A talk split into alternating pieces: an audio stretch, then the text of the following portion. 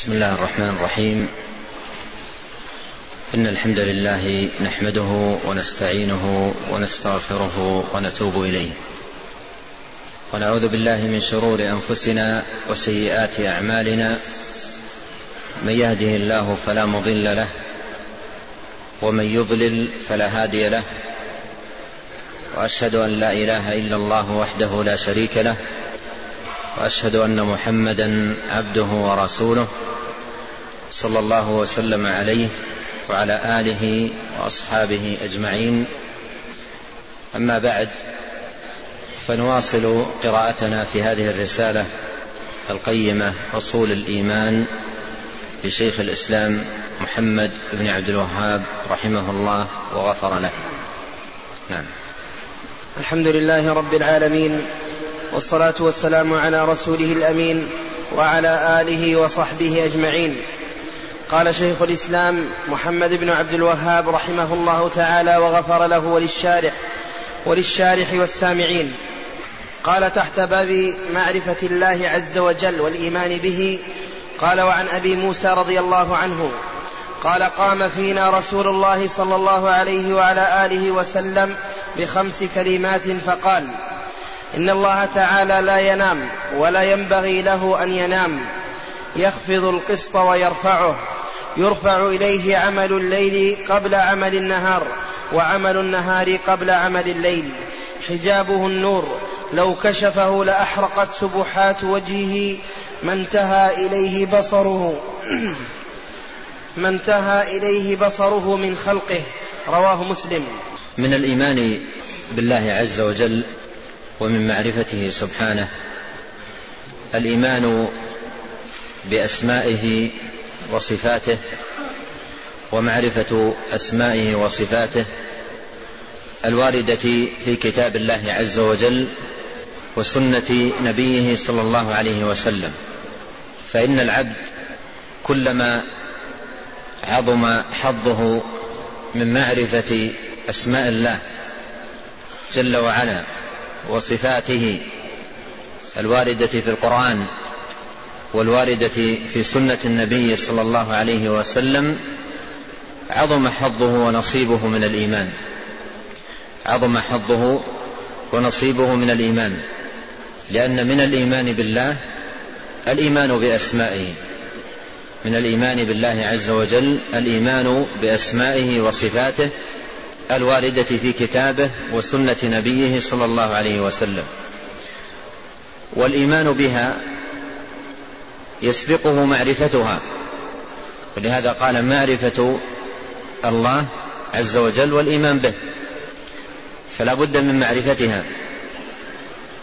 من خلال كتاب الله عز وجل وسنة نبيه صلى الله عليه وسلم ثم اتباع المعرفة بالإيمان وهو أن يقر قلب المسلم ويصدق بهذه الأسماء وأنها وهذه الصفات وأنها أسماء لله عز وجل وصفات لله عز وجل متضمنة لمعاني الجلال والكمال والعظمة والكبرياء بحيث يمتلئ القلب بمعرفته بها ايمانا ويقينا.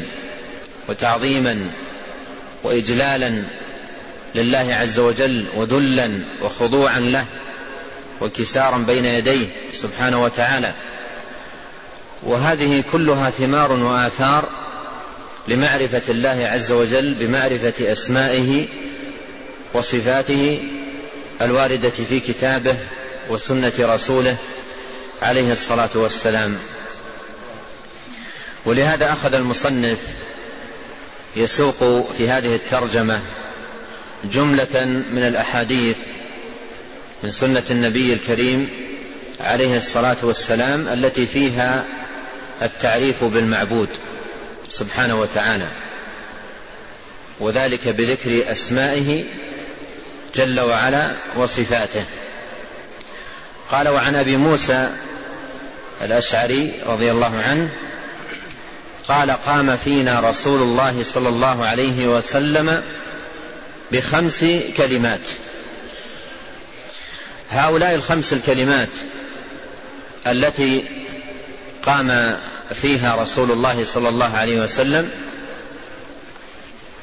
معلما ومنبها ومبينا لأصحابه ولأمته عليه الصلاة والسلام كلها كلمات فيها تعريف بالرب العظيم. تعريف بالله. وهذا التعريف بالله من المحاور التي ترتكز عليها دعوات المرسلين من أولهم إلى آخرهم. قال العلماء رحمهم الله إن دعوات المرسلين من أولهم إلى آخرهم ترتكز على ثلاث محاور. المحور الأول التعريف بالرب المعبود والخالق الجليل سبحانه وتعالى. والمحور الثاني التعريف بعبادته والطريق الذي ارتضاه لعباده ليتقربوا من خلاله إليه تبارك وتعالى. والمحور الثالث بيان ما أعده الله تبارك وتعالى. لمن سلك هذا الطريق من ثواب ولمن حاد عنه وانحرف عنه من عقاب. فهذا الذي قام فيه النبي عليه الصلاة والسلام هذا من المحور الأول وهو أساس لا بد منه تعريف الناس بربهم. وقد جاء عنه عليه الصلاة والسلام أحاديث كثيرة جدا فيها تعريف الناس بالله بذكر صفاته وأسمائه وعظمته وجلاله وكماله سبحانه وتعالى. قال قام فينا بخمس كلمات. وقوله بخمس كلمات دليل على دقة الصحابة في ضبط العلم. وما يلقى عليهم من رسول الله صلى الله عليه وسلم. فالنبي صلى الله عليه وسلم ألقى عليهم خمس كلمات فضبطها بالعدد أبو موسى الأشعري حتى تنضبط والأرقام تعين على ضبط العلم وحفظه. قال قام فينا بخمس كلمات فقال. إن الله لا ينام ولا ينبغي له أن ينام. هذه الكلمة الأولى. إن الله لا ينام ولا ينبغي له أن ينام. هذه الكلمة الأولى في التعريف بالله سبحانه وتعالى. وقوله لا ينام نفي النوم عنه بل نفي كل نقص عنه يرد في الكتاب والسنة يتضمن ولا بد إثبات كمال ضد ما نفي. وهذه قاعدة معروفة عند أهل العلم في باب النفي. النفي في, في, في الصفات ليس نفيا صرفا وإنما هو نفي متضمن لكمال ضد المنفي. لأن النفي الصرف ليس مدحا. لا يكون النفي مدحا إلا إذا تضمن معنى ثبوتي. ولهذا قوله لا ينام نفي النوم فيه إثبات كمال الحياة. إثبات كمال الحياة. وأنه سبحانه وتعالى له الحياة الكاملة التي لا يعتريها نقص. بخلاف حياة المخلوق. المخلوق حياته فيها نقص. نوم والنوم ناشئ عن التعب يتعب وينصب فيحتاج إلى الراحة يحتاج إلى النوم فهذا نقص. يدل على ضعفه وعجزه ونصبه وتعبه.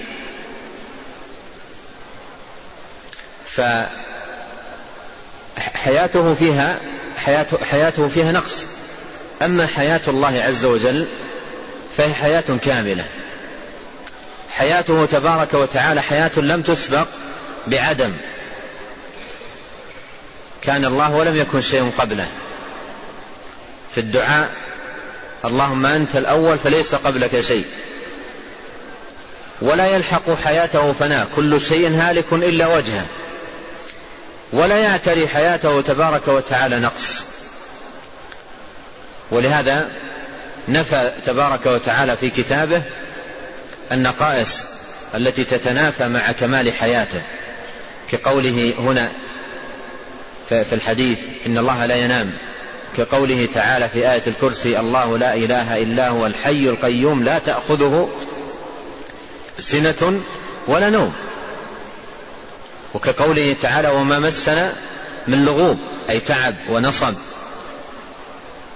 فنزه تبارك وتعالى نفسه عن النقائص التي تتنافى مع كمال حياته سبحانه.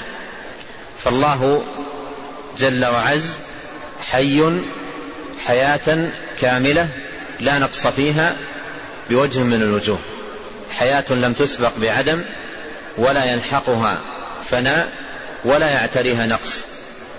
النوم نقص والسنة نقص واللغوب نقص والموت نقص. والله منزه عن ذلك كله لكمال حياته تبارك وتعالى. إن الله لا ينام ولا ينبغي له أن ينام أي أنه منزه عن ذلك كله. منزه عن ذلك كله. وما ربك بغافل النائم غافل. النائم لا يدري ما حوله. النائم لا يدري ما حوله. والله جل وعلا منزه عن ذلك كله. فهو لا ينام ولا ينبغي له أن ينام. هنا معرفة المسلم بهذا الوصف لله عز وجل وهو وصفه بكمال الحياة وتنزهه عن السنة والنوم والموت واللغوب ونحو ذلك لكمال حياته سبحانه وتعالى. هذه المعرفة ما الذي تولده في العبد من عبودية وذل لله تبارك وتعالى؟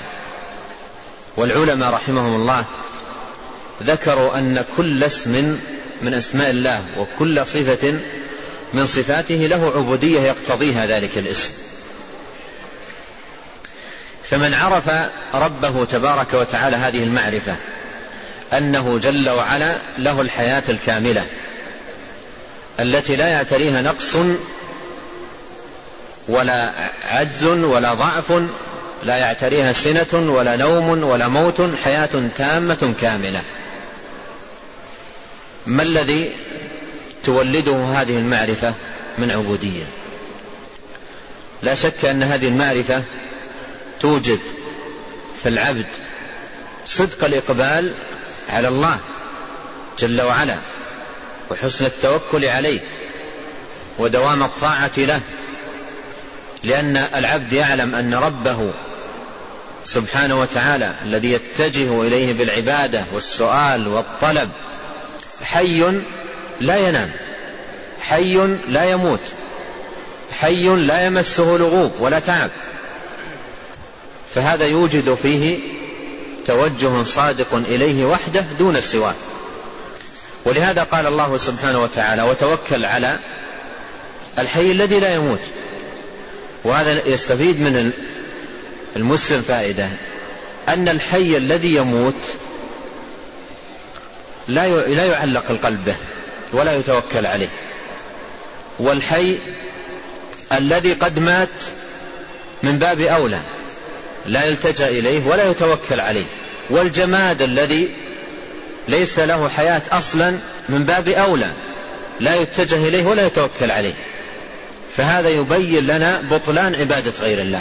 قوله إن الله حي لا ينام إن الله لا ينام ولا ينبغي له أن ينام هذا من الدلائل العظيمة على بطلان عبادة غير الله تبارك وتعالى. يقال لمن يعبد غير الله تعبد من ينام؟ تعبد من ينام؟ يكفيك أنه ينام لا تعبده. هذه وحدها تكفي. كونه ينام هذا وحده كاف ألا يعبد. لماذا؟ لأن نومه دليل على نقصه كيف تعرض حاجتك عليه؟ وكيف تتوكل عليه؟ وهو فيه نقص. فكيف يطلب الكمال ممن هو ناقص؟ كيف يطلب العافية ممن لا يملكها في حق نفسه لا يملك نفسه ضرا ولا نفعا ولا موتا ولا حياة ولا نشورا. فهذا وحده كاف في بطلان عبادة غير الله. الحي الذي يموت أو ينام هذا كيف يتجه إليه؟ والحي الذي قد مات ودفن ووري في التراب كيف يتوجه إليه؟ والحجر الذي هو جماد كيف يتوجه إليه ويلتجأ إليه؟ فهذا من أبين البينات وأوضح البراهين على بطلان عبادة غير الله تبارك وتعالى. ومن يدعو غير الله تبارك وتعالى خسف عقله. إذ كيف يسوي هذه المخلوقات بالرب العظيم والخالق الجليل تبارك وتعالى الذي بيده أزمة الأمور جل وعلا؟ ولهذا جاء ملاحظة هذا المعنى في أدعية النبي عليه الصلاة والسلام كما جاء في الصحيح إنه عليه الصلاة والسلام كان يقول في دعائه اللهم اللهم إني اللهم لك أسلمت وبك آمنت عليك توكلت وإليك أنبت وبك خاصمت أعوذ بعزتك لا إله إلا أنت أن تضلني فأنت الحي الذي لا يموت. والجن والإنس يموتون. التوجه يكون لمن؟ للحي الذي لا يموت للحي الذي لا ينام للحي الذي لا تأخذه سنة ولا نوم. أما الحي الذي يموت والحي الذي ينام والحي الذي تأخذه السنة والنوم والحي الذي ينصب ويتعب ويمرض ويسقم كيف يتوجه إليه؟ بالدعاء والعبادة والسؤال والطلب. فهذا من أبين البينات وأوضح البراهين على بطلان عبادة غير الله وعلى وجوب إفراده تبارك وتعالى وحده بالعبادة والذل والخضوع والانكسار. قال إن الله لا ينام ولا ينبغي له أن ينام. الكلمة الثانية قال يخفض القسط ويرفعه. وجاء في بعض روايات الحديث في الصحيح يخفض الميزان ويرفعه. أي أن الميزان بيده ووزن الأمور بيده وبتدبيره سبحانه وتعالى. فهو جل وعلا الخافض الرافع القابض الباسط المعطي المانع الذي بيده أزمة الأمور تبارك وتعالى. وهذا أيضا من الدلائل والبراهين على وجوب آه، كمال الذل له والانخضاع والانخضاع والخضوع له والانكسار بين يديه تبارك وتعالى. يخفض القسط ويرفعه. فالأمر بيده تبارك وتعالى.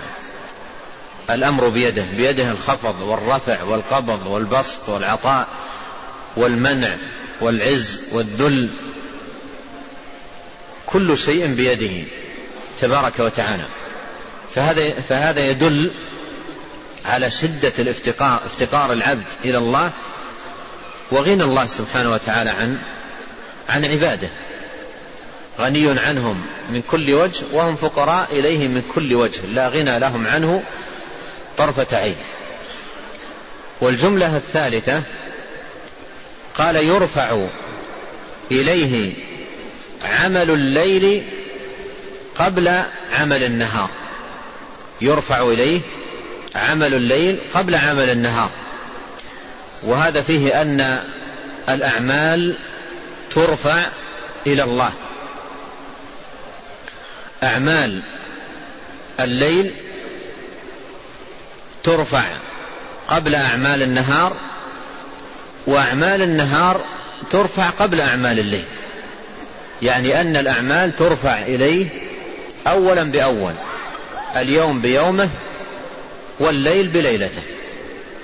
ترفع إليه أعمال الليل قبل النهار وأعمال النهار قبل الليل. ترفع إليه وهو سبحانه وتعالى مطلع عليها. لا لا تخفى عليه تبارك وتعالى منها خافية. أحصى كل شيء عددا وأحاط تبارك وتعالى بكل شيء علما. لكن هذا الرفع للأعمال إليه لله تبارك وتعالى فيه حكمة سبحانه وتعالى. فالأعمال ترفع إليه. أعمال الليل التي قام بها العبد في ليلة ترفع قبل أن يأتي الصباح.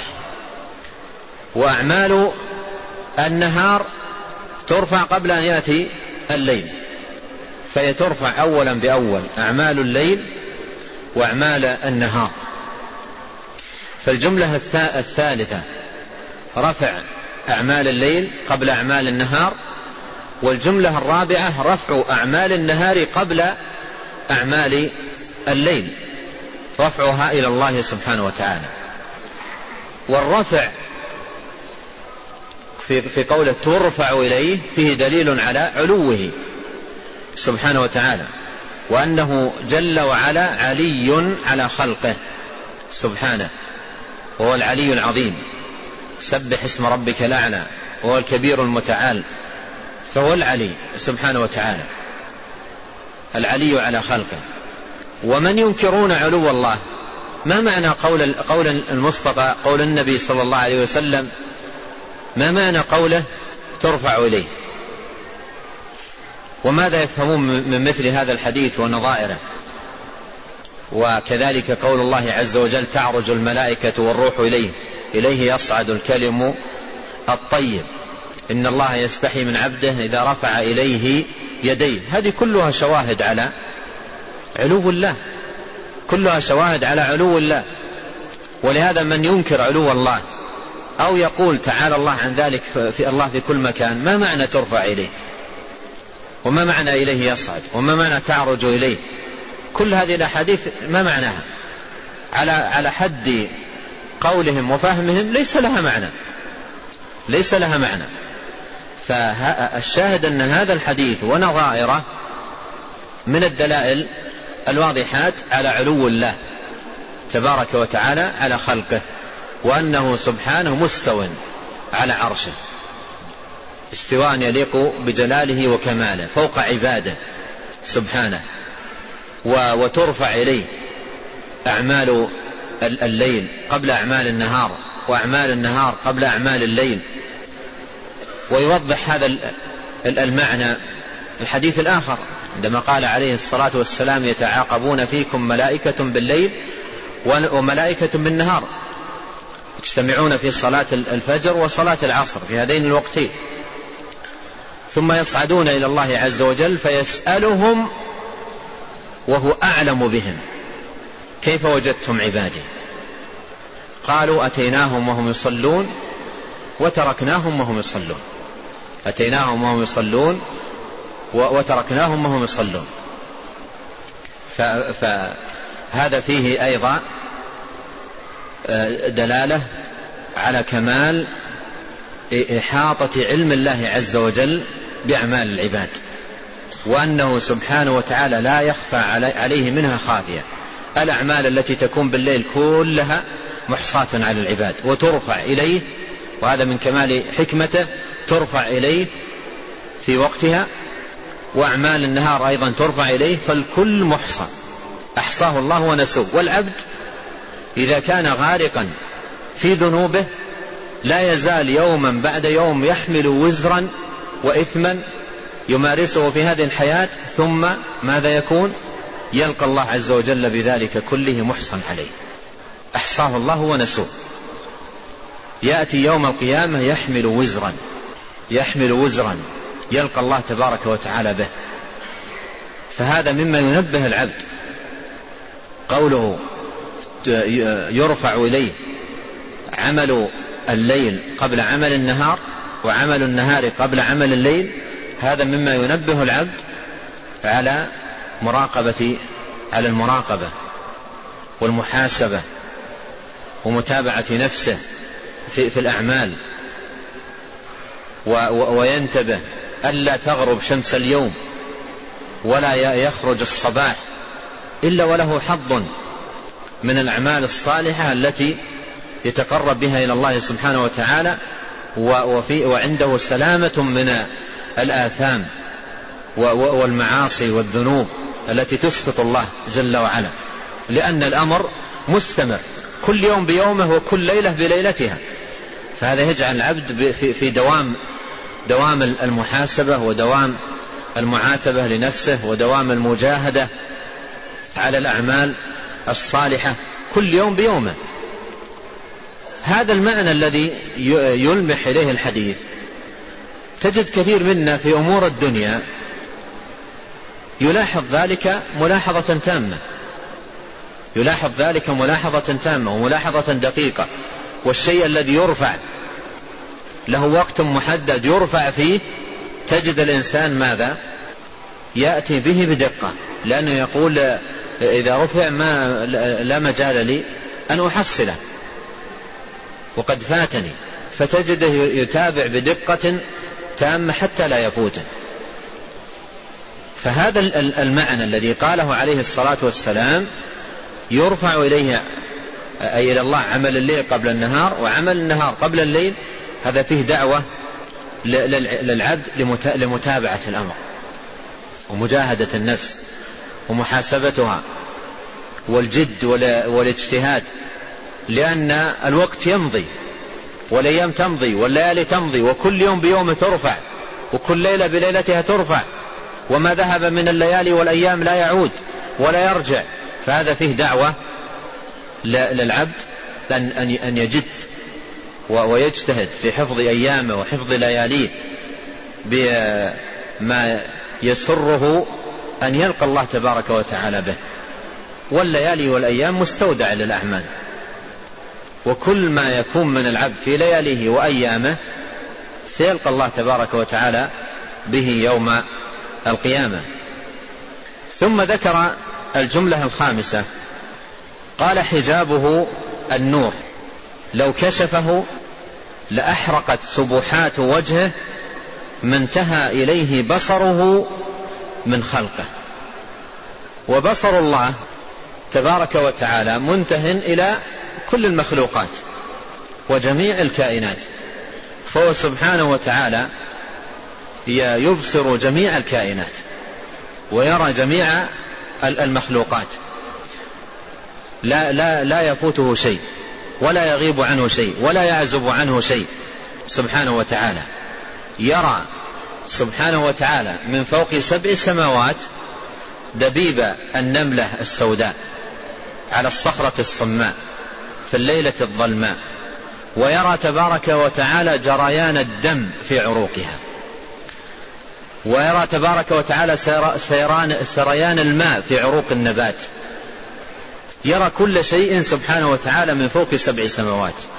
لا يخفى عليه شيء لا يعزب عنه شيء لا يغيب عنه تبارك وتعالى شيء مطلع على كل شيء يرى كل شيء سبحانه وتعالى. يقول صلى الله عليه وسلم هنا حجابه النور أي حجاب الله النور. يقول لو كشف يعني لو كشف هذا النور الذي جعله تبارك وتعالى حجابا له لأحرقت سبحات وجهه. ومعنى سبحات وجهه أي بهاء وجهه ونور وجهه وجلال وجهه وجمال وجهه. لأحرقت سبحات وجهه ما انتهى إليه بصره من خلقه وبصره منتهٍ إلى كل المخلوقات يبصر تبارك وتعالى كل شيء. فهذا يدل على كمال كمال الله سبحانه وتعالى وكمال عظمته وبهائه وجلاله وجماله وعظمته سبحانه وتعالى سبحات وجهه أي أي بهاء الوجه وحسنه وجلاله وكماله. ما انتهى إليه بصره من خلقه. فهذا فيه كمال عظمة الله جل وعلا. كمال عظمة الله. وفيه أيضا ضعف المخلوق. ضعف المخلوق. أن أن أن المخلوق شأنه أن سبحات وجه الله عز وجل لو كشف عنها الحجاب لاحترق. ويوم القيامة يجعل الله عز وجل للمخلوق قدرة وقوة يتمكن بها من رؤية الله سبحانه وتعالى. ولهذا رؤية الله لا تكون لأحد في الدنيا. اعلموا أنكم لن تروا ربكم حتى تموتوا. لا تكون إلا يوم القيامة يكرم الله سبحانه وتعالى أهل الإيمان بلذة النظر إلى وجهه الكريم سبحانه وتعالى. قال حجابه النور لو كشفه لأحرقت سبحات وجهه ما انتهى إليه بصره من خلقه. في الحديث إثبات الوجه صفة لله تبارك وتعالى. ودعوكم من أقوال العاطلين المبطلين الجاحدين المنكرين المكذبين لكلام الله وكلام رسوله صلى الله عليه وسلم الذين يقولون في الله وفي كلام الله وفي كلام وكلام رسوله عليه الصلاة والسلام ما لا يعلمون. ممن خاضوا في التأويل الباطل زعما منهم أنهم ينزهون الله تبارك وتعالى. فالله له وجه عظيم جليل يليق بجلاله وكماله. أثبت ذلك هو سبحانه وتعالى لنفسه وأثبت له ذلك رسول له رسوله عليه الصلاة والسلام. فنؤمن بأن الله سبحانه وتعالى له وجه. له وجه عظيم يليق بجلاله وكماله وجه الله سبحانه وتعالى له بصر.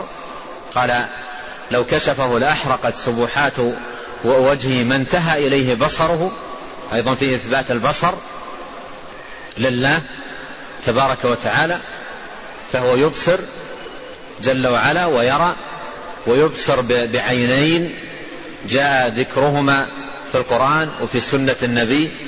عليه الصلاة والسلام قال تعالى تجري بأعيننا. قال عليه الصلاة والسلام إن إن ربكم إن, إن, إن ربكم ليس بأعور أي له عينان كاملتان منزهتان عن النقائص والعيوب فكل ذلك نؤمن به. ومن لا يؤمن بذلك ومن ضيع هذه المعرفة بالله ترتب على ذلك من ضياع إيمانه ورقة دينه. وضعف عبادته وضعف صلته بالله بحسب ما ضيع من معرفته بربه. ولهذا قال العلماء إن للعقائد الفاسدة شؤما على أصحابها.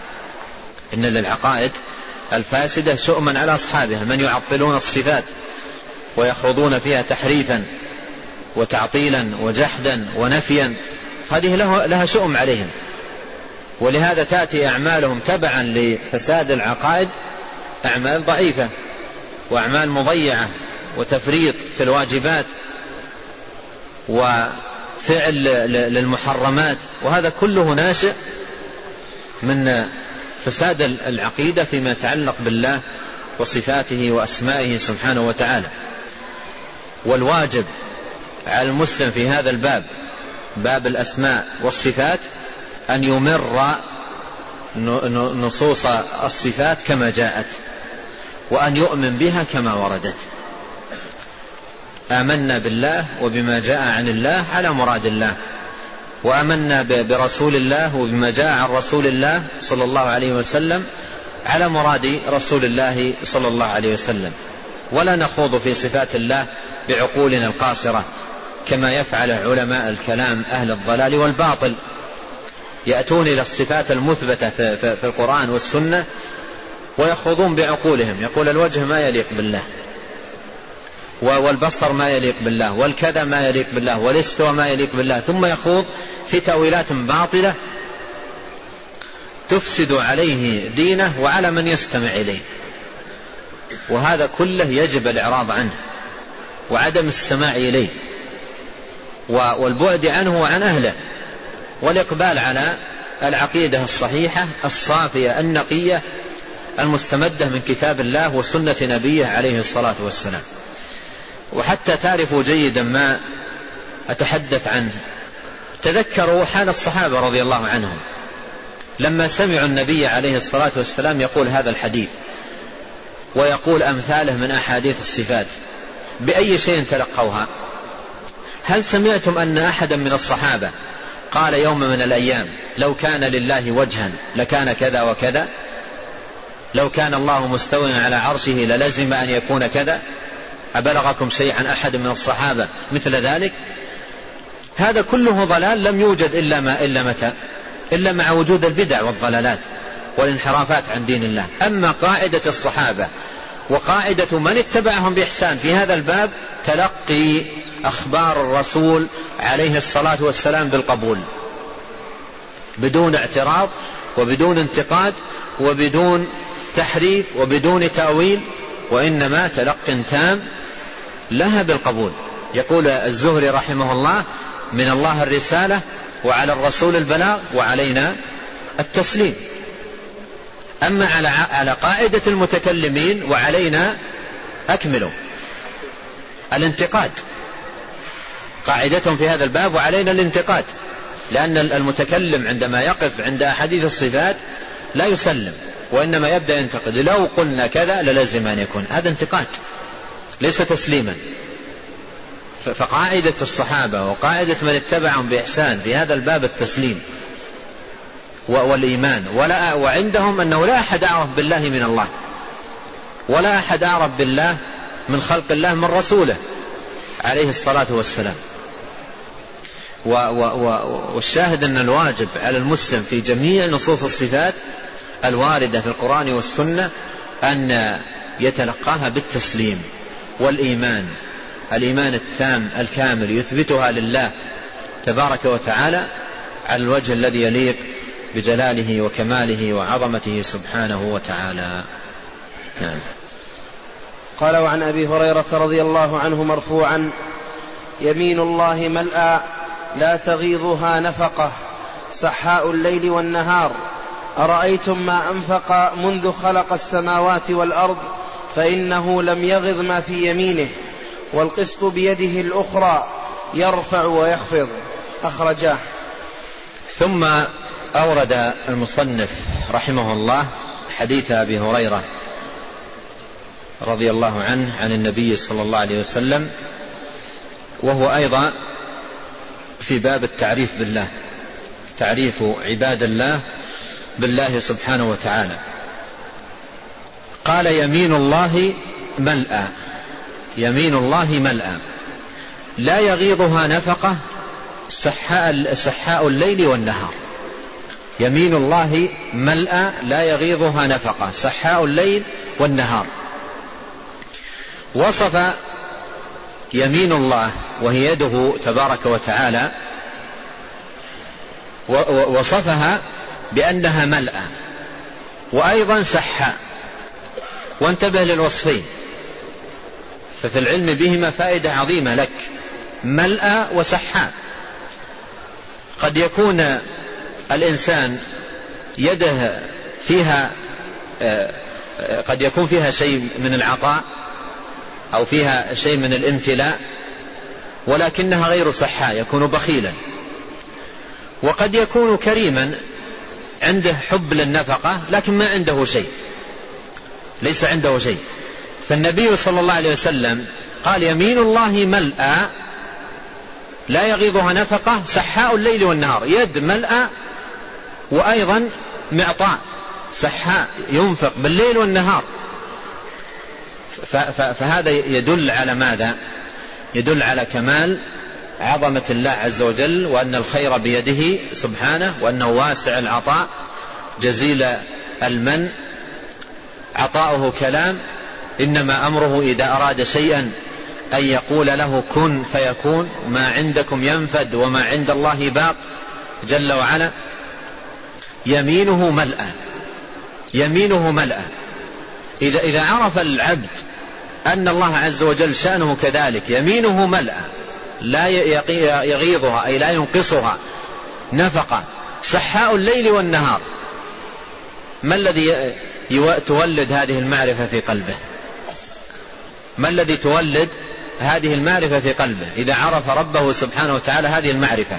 أن ربه سبحانه يمينه ملأى لا يغيضها نفقة سحاء الليل والنهار. هذا يولد فيه ماذا؟ صدق الإقبال عليه.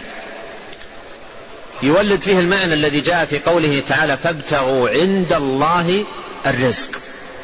ابتغ الرزق عند من يمينه ملأى سحاء الليل والنهار. فهذا يجعل العبد هذه المعرفة تجعل العبد يقبل على الله ولا يقبل على أحد سواه تبارك وتعالى. لأن الرزق بيده يبسط الرزق لمن يشاء ويقدر. الأمور بيده هو الرزاق. قال عز وجل وفي السماء رزقكم وما توعدون. وفي السماء رزقكم وما توعدون. من القصص اللطيف في هذا الباب قصة أوردها ابن قدامة رحمه الله عن الأصمعي. الأصمعي كان رجل رحالة يرحل للبلدان وللمناطق فيقول لقيت أعرابي وصفه الأصمعي بأنه جلف يعني في تعامله. فيقول كان على ناقته. وكنت أمشي على قدمي فلقيني وهو على الناقة. فقال لي من ممن أنت؟ قلت من, من بني الأصمع. قال لعلك الأصمعي. كان مشهور في زمانه في, في, في الناس. قال لعلك الأصمعي. قال أنا هو. قال من أين جئت؟ قال, قال له الأصمعي جئت من بلد يتلى فيه كلام الرحمن. فقال الأعرابي أول الرحمن كلام يتلوه الآدميون؟ أول مرة يسمع. أول الرحمن كلام يتلوه الآدميون؟ قال نعم. قال أسمعني شيئا منه. قال انزل من ناقتك. فنزل. فقرأ عليه يقول قرأت عليه سورة الذاريات. حتى وصلت إلى قول الله سبحانه وتعالى وفي السماء رزقكم وما توعدون. قال أو هذا كلام الرحمن؟ قلت إي والله هذا كلام الرحمن. قال امسك ناقتي. فمسكها فنحر الناقة وقطعها قطعا وقال ساعدني على تفريقها بين الناس. ضمن الرزق ناقة التي آه، هي معه ذبحها ونحرها وقسمها ضمن الرزق. امتلأ قلبه إيمان بمدلول قوله تعالى وفي السماء رزقكم ما توعدون. يقول ففرقنا اللحم ومضى وهو يقول وفي السماء رزقكم وما توعدون. ثم لقيته بعد سنوات في مكة في المطاف. فعرفني وعرفته.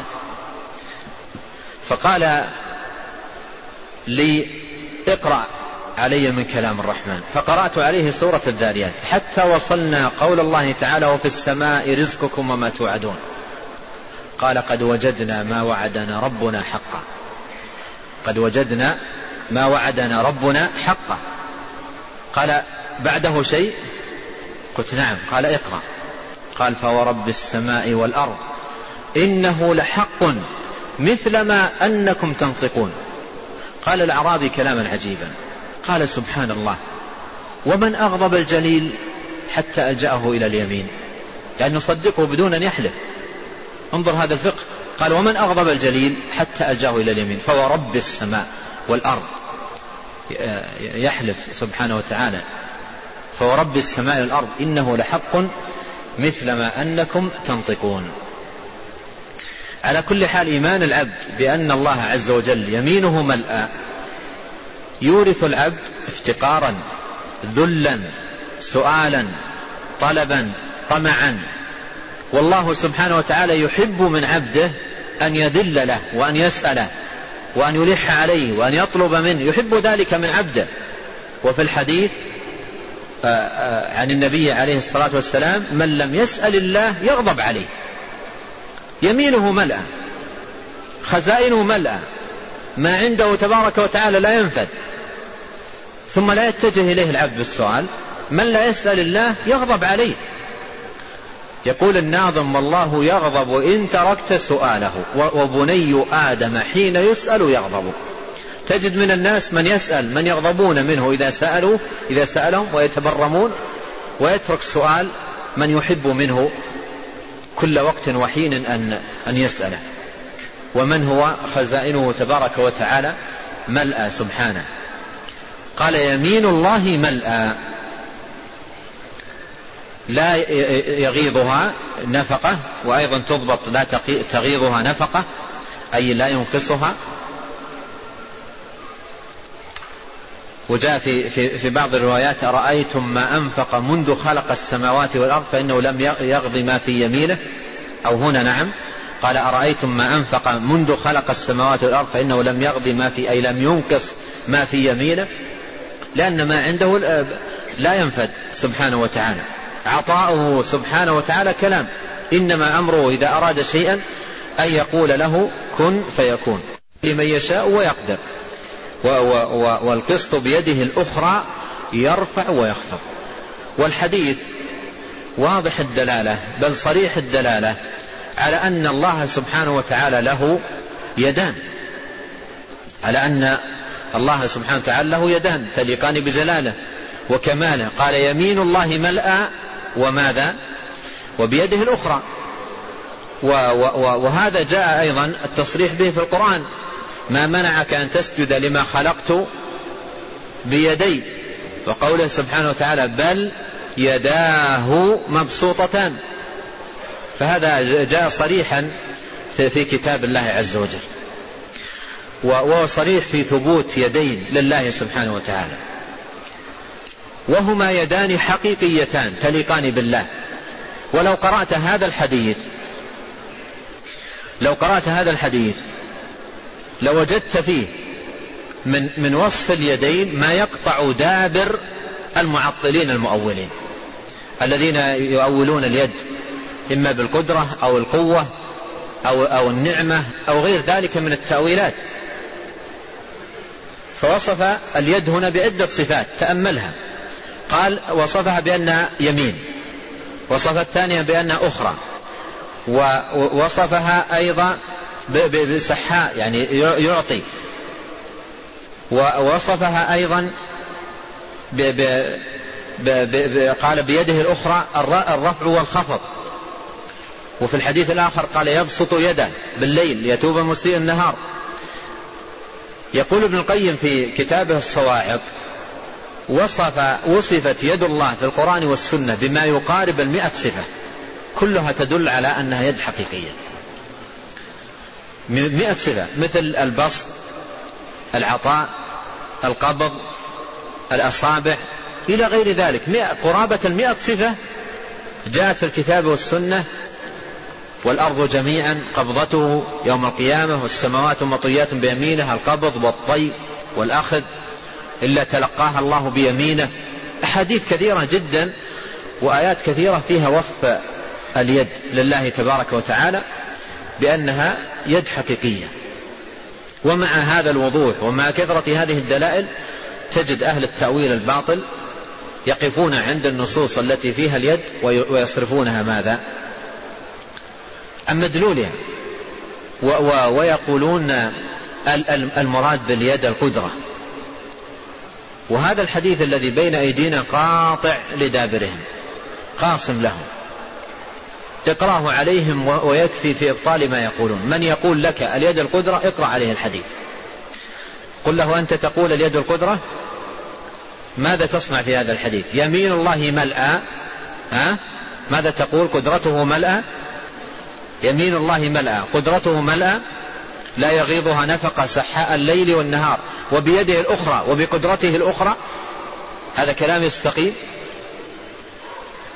قراءة الحديث هذا وحده كافي في إبطال تأويل المتأولين. وهذه قاعدة نبه عليها أهل العلم في رد التأويل. إذا تأول متأول آه، شيئا من صفات الله يكفيك أن تورد له آه، أن تذكر له موارد هذه الصفة في القرآن والسنة. آه، موضعا موضعا يكفي هذا يكفي إيراد هذا في رد باطله. الشاهد أن هذا الحديث فيه إثبات عظمة الله وجمال وجلاله وكماله وأيضا سعة عطائه ومنه وأن الأمور بيده عز وجل العطاء والمنع والخفض والرفع والقبض والبسط كل ذلك بيده وإثبات اليمين له وإثبات اليد الأخرى له سبحانه وتعالى. وهذا أيضا ثابت في القرآن.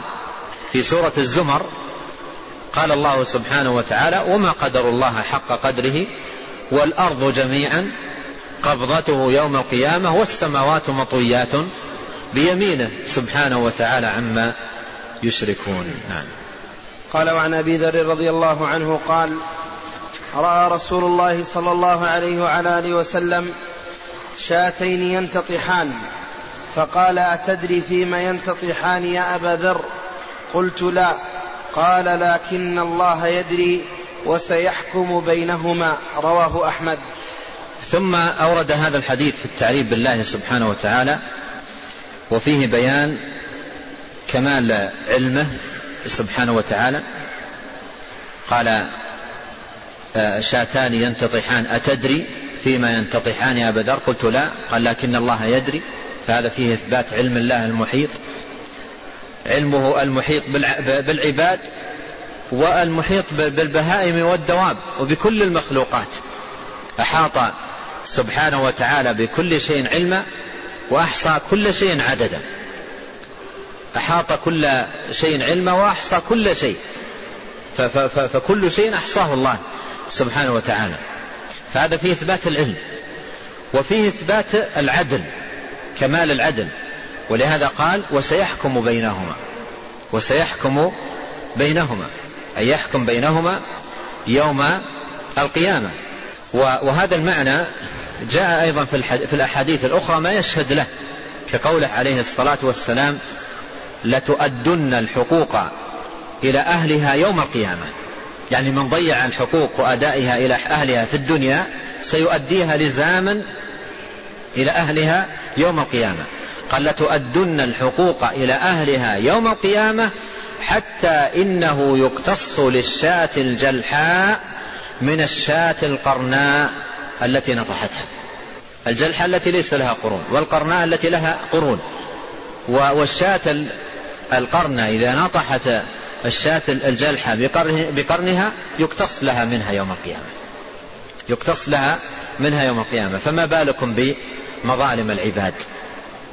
ولهذا جاء في حديث عبد الله بن أنيس وهو حديث حسن عن النبي صلى الله عليه وسلم أنه قال يبعث الله الناس يوم القيامة حفاة عراة بهما.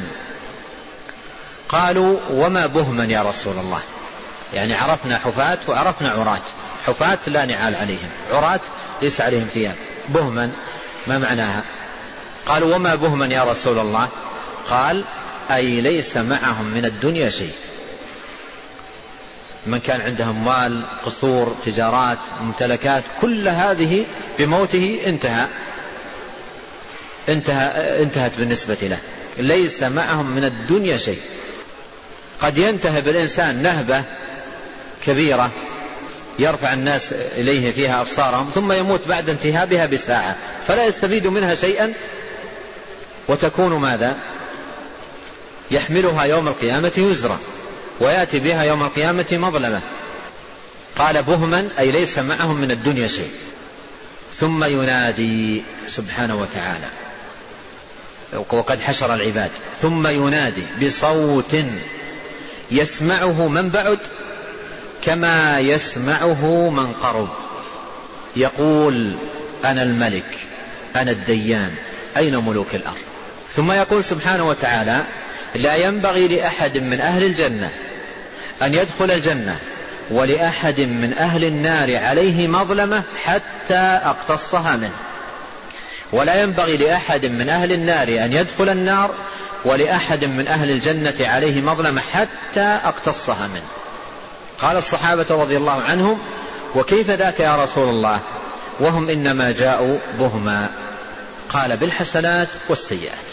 وقوله بالحسنات والسيئات يوضحه الحديث الآخر الذي قال فيه النبي صلى الله عليه وسلم للصحابة أتدرون من المفلس؟ قال المفلس من لا درهم له ولا دينار. فقال عليه الصلاة والسلام بل المفلس من يأتي يوم القيامة وقد ضرب هذا وسفك دم هذا وأخذ مال هذا وشتم هذا فيؤخذ من حسناته فيعطون. فإذا فنيت حسناته أخذ من سيئاتهم فطرحت عليه فطرح في النار. هذا معنى قوله في الحديث الأول بالحسنات والسيئات. إذا هذا الحديث فيه من التعريف بالله بيان إحاطة علم الله سبحانه وتعالى بالمخلوقات أحاط بها علما وأحصى كل الأعمال وكل ما يقع أحاط بذلك علما سبحانه وتعالى يعلم ما كان وما سيكون وما لم يكن لو كان كيف يكون. وأيضا فيها في فيه إثبات عدل الله سبحانه وتعالى. و و و وأن, وأن المظالم لا تضيع. حتى قال عليه الصلاة والسلام ولو كان عودا من عراك ما يضيع شيء. المظالم لا تضيع حتى لو كان شيئا قليلا لا يضيع. من اقتطع شبرا من أرض طوقه الله يوم القيامة من سبع أراضين. ليس هناك شيء يضيع. فهذا فيه كمال عدل الله سبحانه وتعالى. والمعرفة هذه المعرفة بأمثال هذه الأحاديث يورث العبد ماذا؟ تقوى الله عز وجل وبعدا عن الظلم وبعدا عن التعدي. فالمظالم لا تضيع. والظالم سيلقى الله سبحانه وتعالى بمظالمه وسيجازى ويحاسب بميزان بمثاقيل الذر وهذا كله من كمال عدل الله. فهذه معرفة عظيمة يترتب عليها من صلاح العبد وصلاح أعماله وزكاء نفسه وحسن معاملته ومراقبته وبعده عن المظالم يترتب عليها خير عظيم. نعم.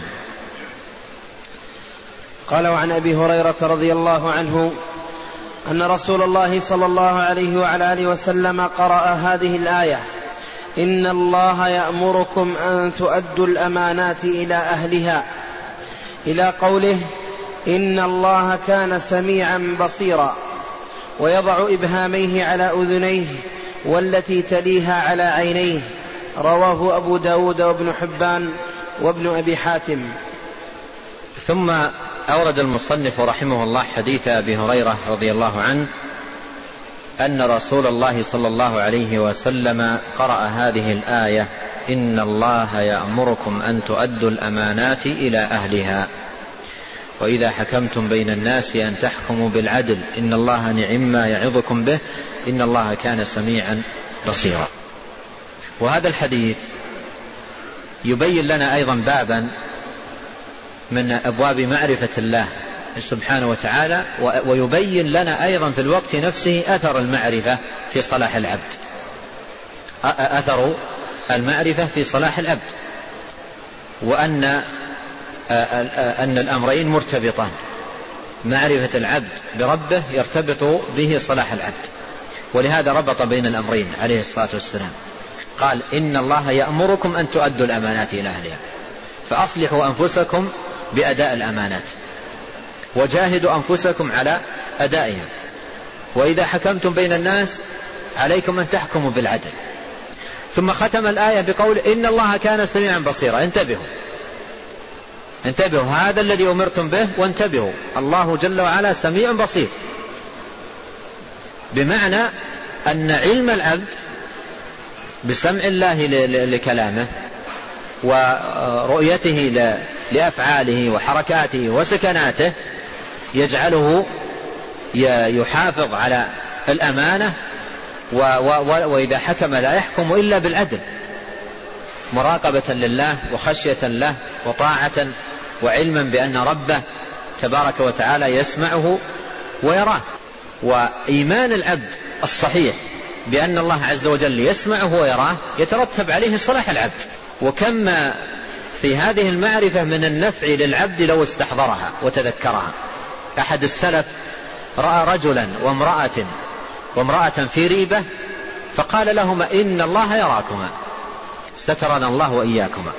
ويقول ابن رجب راود في أحد كتب يقول راود أعرابي أعرابية في الصحراء.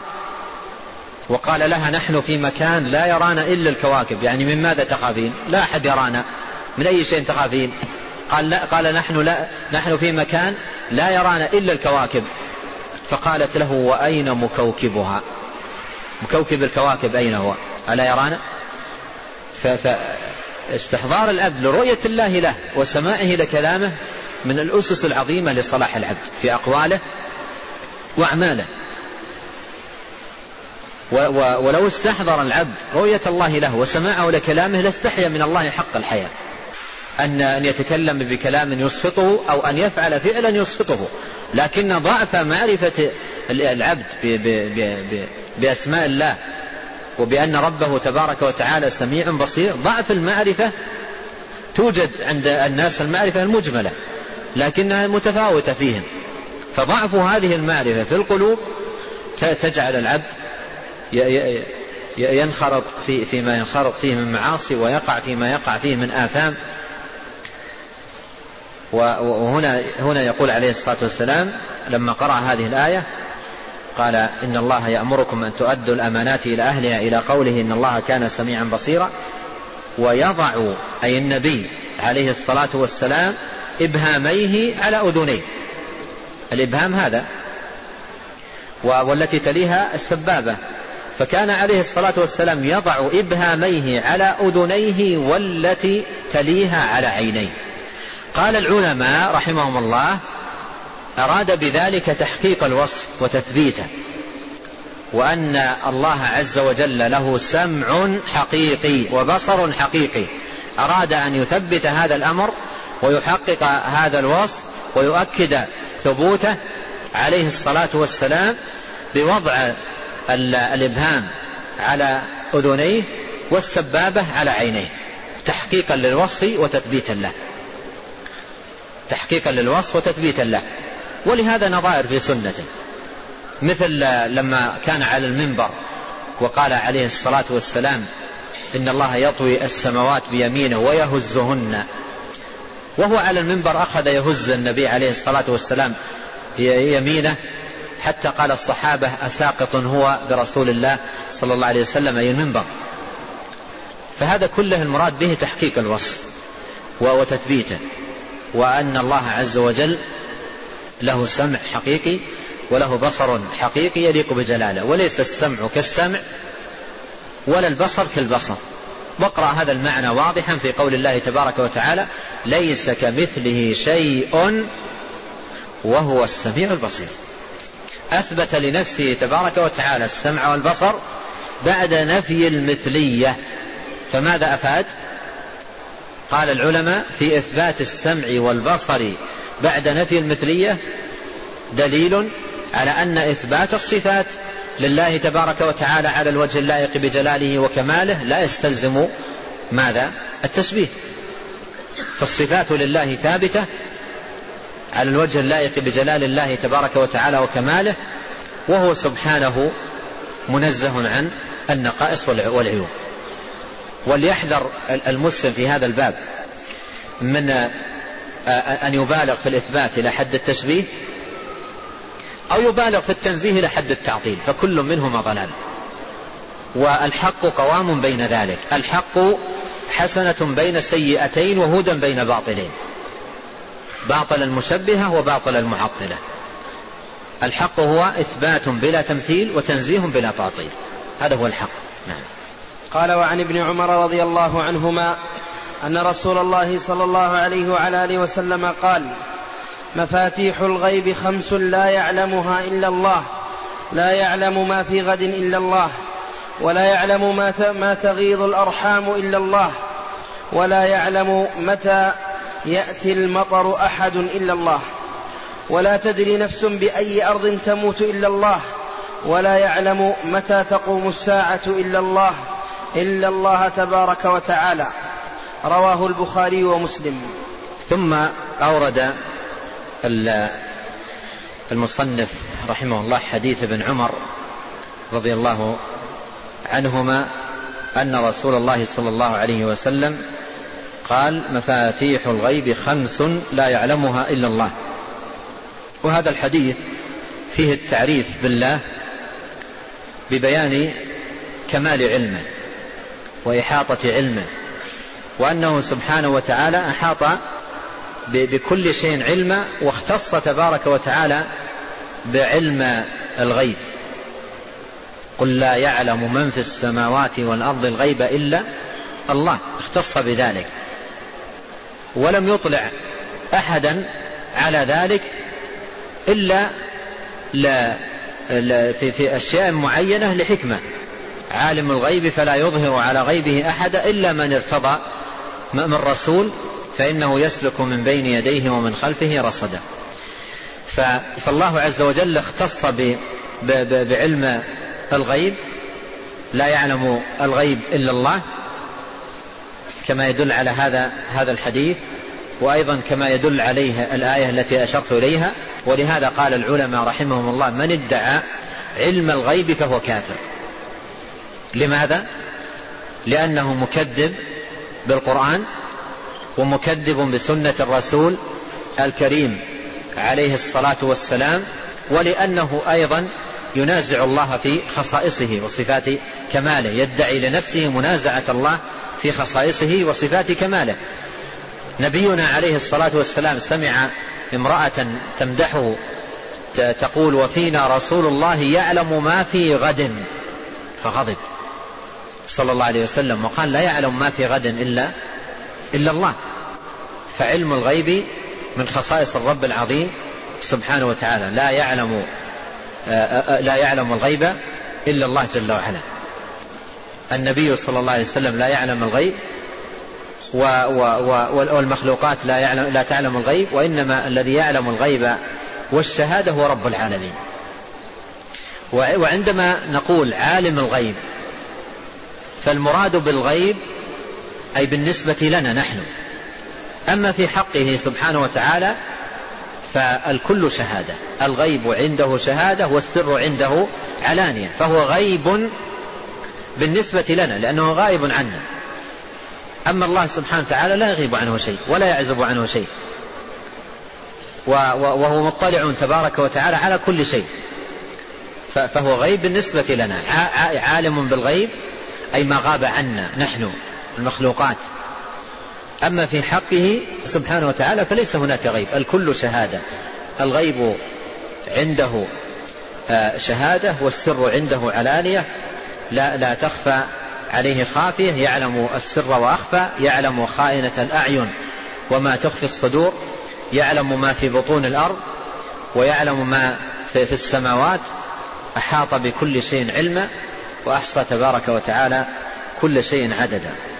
قال عليه الصلاة والسلام مفاتيح الغيب خمس لا يعلمها إلا الله. وهذا فيه التنبيه على اختصاص الله تبارك وتعالى بعلم هذه المغيبات. قال مفاتيح الغيب. مفاتيح الغيب. الغيب هو ما غاب عنا الغيب هو ما غاب عنا ولا سبيل للعبد إلى النفوذ إليه أو إلى معرفته فهو غائب عن الإنسان. ورب العالمين تبارك وتعالى مختص بالعلم بالمغيبات. مفاتح الغيب خمس لا يعلمها إلا الله ثم ذكرها. قال لا يعلم ما في غد إلا الله. كل الحوادث التي تكون في مستقبل الإنسان في أيامه القريبة أو في أيامه البعيدة غد القريب أو غد البعيد الله سبحانه وتعالى هو المختص بعلم ذلك. ولا يعلم ما تغيض الأرحام إلا الله. الله يعلم ما تحمل كل أنثى وما تغيض الأرحام وما تزداد. يعني ما يحصل في الرحم من نقص أو ما يحصل في الرحم من ازدياد من ضمور في الجنين وضعف أو مثلا اكتمال له ونماء. هذا من علمه تبارك وتعالى والله ولا يعلم ما تغيض الأرحام إلا الله. ولا يعلم متى يأتي المطر أحد إلا الله. لا يعلم ذلك إلا الله سبحانه وتعالى. ولا تدري نفس بأي أرض تموت إلا الله. لا يدري الإنسان متى يموت. و و وإذا كانت منيته في بلد وهو في بلد آخر ساقه الله تبارك وتعالى إلى البلد الذي فيه منيته. وكم من إنسان سافر ليذهب إلى مكان منيته. كم من إنسان سافر خرج من بيته وركب مطيته ليذهب إلى مكان منيته. منيته محددة في مكان معين فيذهب إليها. تجد يخرج من بيته ويودع أهله ويسافر وقد كتب له في منتصف الطريق بين مكة والمدينة أن تنتهي حياته فذهب إلى منيته. كم من إنسان كثير. تكون منيته في بلد فيتحرك في عندما تدنو منيته يتحرك ليذهب إلى إلى منيته. وعندما يتفكر الإنسان في القصص التي تحصل من هذا الباب يرى عجبا ويرى كمال قدرة الله سبحانه وتعالى. يمر على على الناس في واقعهم قصص عجيبة. من القصص العجيبة في هذا الباب أن أهل بيت كان آه، آه، والدهم ووالدتهم الكبار الجد والجدة كانوا في سفر وكانوا قادمين.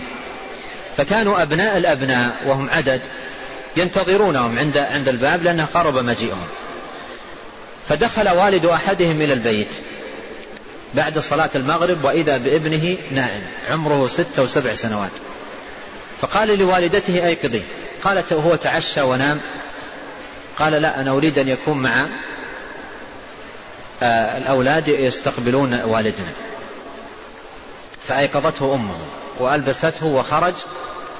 ما, ما, ما أمضى ربع ساعة وصدمته السيارة ومات عند الباب. أيقظته أمه لماذا؟ نائم. أيقظته أمه لأن منيته جاءت. أمه توقظه ووالده يطلب إيقاظه ولو يعلم والده أنه يطالب بإيقاظه ليموت وأمه توقظه وتلبسه ثيابه ليموت ما ما ما يدري. ربع ساعة توقظ ولدها لتذهب ليذهب ليموت. هذا أمر علمه عند الله. انظر يعني للقصة, للقصة هذه ونظائرها كثير. إذا جاءت المنية ولا يدري أحد متى تأتي قد تكون بعد ربع ساعة قد تكون بعد دقائق. فهذا علمه مختص بالله تبارك وتعالى. لا يعلم ولا تدري نفس بأي أرض تموت. ولا يعلم متى تقوم الساعة إلا الله سبحانه وتعالى. ومن ادعى علم شيء من ذلك فهو مكذب بالقرآن ومكذب بأحاديث الرسول الكريم عليه الصلاة والسلام. وإذا عرف العبد هذا العلم عرف علم, علم الله عز وجل أن الله عز وجل عليم وعلمه محيط بكل شيء وأنه اختص بعلم المغيبات وعلم السرائر وما تخفي الصدور أحاط بكل شيء علما فهذا يورث العبد مراقبة لله سبحانه وتعالى وخشية وإقبالا على على الله وقياما بعبادته وإصلاحا لحاله بينه وبين الله عز وجل. ونسأل الله جل وعلا أن يصلح أحوالنا أجمعين. وأن يهدينا إلى صراطه المستقيم وأن يزيدنا بصيرة بدينه ومعرفة بأسمائه وصفاته وتعظيما لجنابه سبحانه وتعالى. وأن يوفقنا لكل خير يحبه ويرضاه. إنه تبارك وتعالى سميع الدعاء. والله أعلم. وصلى الله وسلم على نبينا محمد. أحسن الله إليكم وبارك فيكم ونفعنا الله بما قلتم وغفر الله لنا ولكم وللمسلمين أجمعين. هذا السائل يقول هل يجوز أن نثبت لله الجنب من قوله تعالى يا حسرة على ما فرطت في جنب الله؟ الجنب هنا ليس من الصفات. الجنب هنا ليس من الصفات. يا حسرة على ما فرطت في جنب الله الذي فرط فيه العبد هو الطاعة والعبادة والإقبال على الله سبحانه وتعالى. ولا أحد من أهل السنة ولا أحد من أهل العلم يقول إن المراد بالجنب هنا صفة لله تبارك وتعالى. لأن الذي فرط فيه العبد هو العمل. يا حسرة على ما فرطت في, في جنب الله أي ما فرطت فيه من عمل وطاعة في حق الله سبحانه وتعالى أمرني تبارك وتعالى بها. ولهذا لا يعرف أبدا. أحد من, من أهل العلم يقول أن المراد بالجنب هنا صفة لله سبحانه وتعالى. نعم. كثرت الأسئلة عن الحديث الأخير وهل هناك تعارض بينه وبين قول الأطباء آه، أو أنهم يعرفون ما هو الجنين وكذلك في المطر معرفة حصول وقوع المطر في أي مكان وفي أي وقت؟ هنا الآن قضية الأطباء. الأطباء علمهم بالجنين وأنه ذكر أو أنثى آه، أصبح في, في بهذه الأجهزة ليس علما بشيء غائب عنهم وإنما بشيء يشاهدونه فصار علمهم به مثل علم الملك. في الحديث قال عليه الصلاة والسلام ثم يرسل إليه ملك فيؤمر بكتب أربع كلمات بكتب رزقه وأجله وعمله وشقي أو, أو, أو سعيد. فالله أطلع الملك على ذلك. والله عز وجل أقدر الطبيب أن من خلال هذه الأجهزة التي سخرها رب العالمين ويخبر عن عن الجنين بشيء يراه. بشيء يراه ليس بشيء غائب عنه وإنما يخبر عن رؤية. فالجهاز الذي معه آه، يصل من خلاله إلى رؤية آه، الجنين ورؤية حركة الجنين فأصبح أصبح بهذا الجهاز سخر الله سبحانه وتعالى له رؤية الأمر فهو لا يتحدث عن غائب لا يتحدث عن غائب وإنما يتحدث عن مرئي. ثم هذا الذي آه، يراه أمامه عبر الجهاز علم علم الطبيب محدود لأنه لا علم له به إلا ما يظهر منه لكن لا يعلم عن هذا الجنين. شيئا. هل يبقى حيا في الرحم؟ هل يموت؟ هل يضمر؟ هل يضعف؟ هل يقوى؟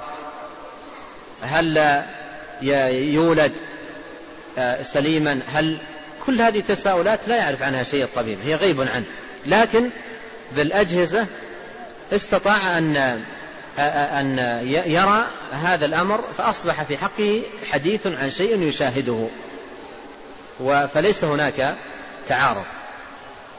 وبالنسبة للأمطار إذا تحركت الرياح وظهرت بوادر قد يقول الإنسان آه، إن شاء الله المطر مقبل أو نازل أو نحو ذلك من خلال الأمور لكن ليس لأحد يجزم. كم من مرة تنعقد السماء بالسحب, بالسحب وتتلبد بالقيوم وتنقشع السحب ولا ينزل مطر.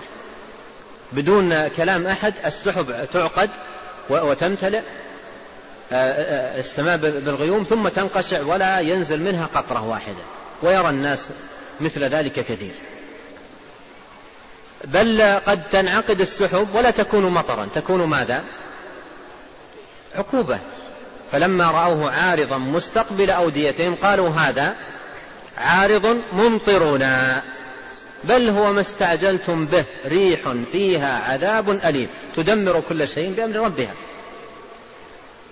فهذا أمر لا يعلمه إلا الله سبحانه وتعالى. نعم. وهذا يسأل عن قاعدة إثبات المفصل ونفي المجمل. يقول أو بما معنى كلامه يقول أنه ورد في الحديث الذي مضى معنا نفي النوم وهنا تفصيل في النفي. فهل هناك تعارض؟ ليس هناك تعارض لأن الإثبات المجمل والإثبات نعم المجمل والنفي المفصل عفوا الإثبات المفصل والنفي المجمل هذا هو القاعدة. القاعدة في في نصوص الكتاب والسنة إثبات مفصل الملك القدوس السلام المؤمن المهيمن العزيز الجبار المتكبر إثبات مفصل والنفي مجمل هذا الأصل. وقد يأتي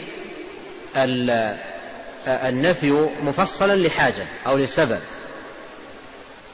كأن يكون تنزيه لله تبارك وتعالى عن نقص أضيف إليه أو نسب إليه أو نحو ذلك من الاعتبارات يعني يأتي لحاجة لكن الأصل في المدح والثناء الإجمال في, في النفي والتفصيل في الإثبات. ثم القاعدة في, في هذا كما مر أن النفي الوارد في الصفات ليس نفيا صرفا وإنما هو نفي متضمن لمعنى ثبوتي. فقوله إن الله لا ينام هذا سيق لبيان كمال حياة الله. ليس فقط لنفي النوم وإنما لإثبات كمال حياة الله وكمال قدرته وكمال قيوميته سبحانه وتعالى فهو يتضمن معاني ثبوتية لله سبحانه وتعالى. نعم. أحسن الله إليكم. ما حكم من, من يقول عن الله سبحانه وتعالى لا يحدد له مكان. هذه الكلمة كلام مجمل. هذا كلام مجمل والخوض في مثل هذه الكلمات هو من طريقة المتكلمين أهل الباطل. وجادة أهل السنة والجماعة في هذا الباب كما قال الأوزاعي ندور مع السنة حيث دارت أي نفيا وإثباتا. فما ثبت في الكتاب والسنة أثبتناه وما نفي في الكتاب والسنة نفيناه لا نتجاوز القرآن والحديث. يقول الإمام أحمد رحمه الله نصف الله بما وصف به نفسه وبما وصف به رسوله صلى الله عليه وسلم لا نتجاوز القرآن والحديث. وقول القائل لا نحدد له مكانا هذه كلمة مجملة. يقال له ماذا تقصد بقولك لا نحدد له مكانا؟ هل تقصد بذلك أن تنفي استواء الله على العرش؟ هل تقصد بقول لا نحدد له مكانا؟ تريد بها أن تنفي استواء على العرش إذا كان هذا المراد فهذا كلام باطل.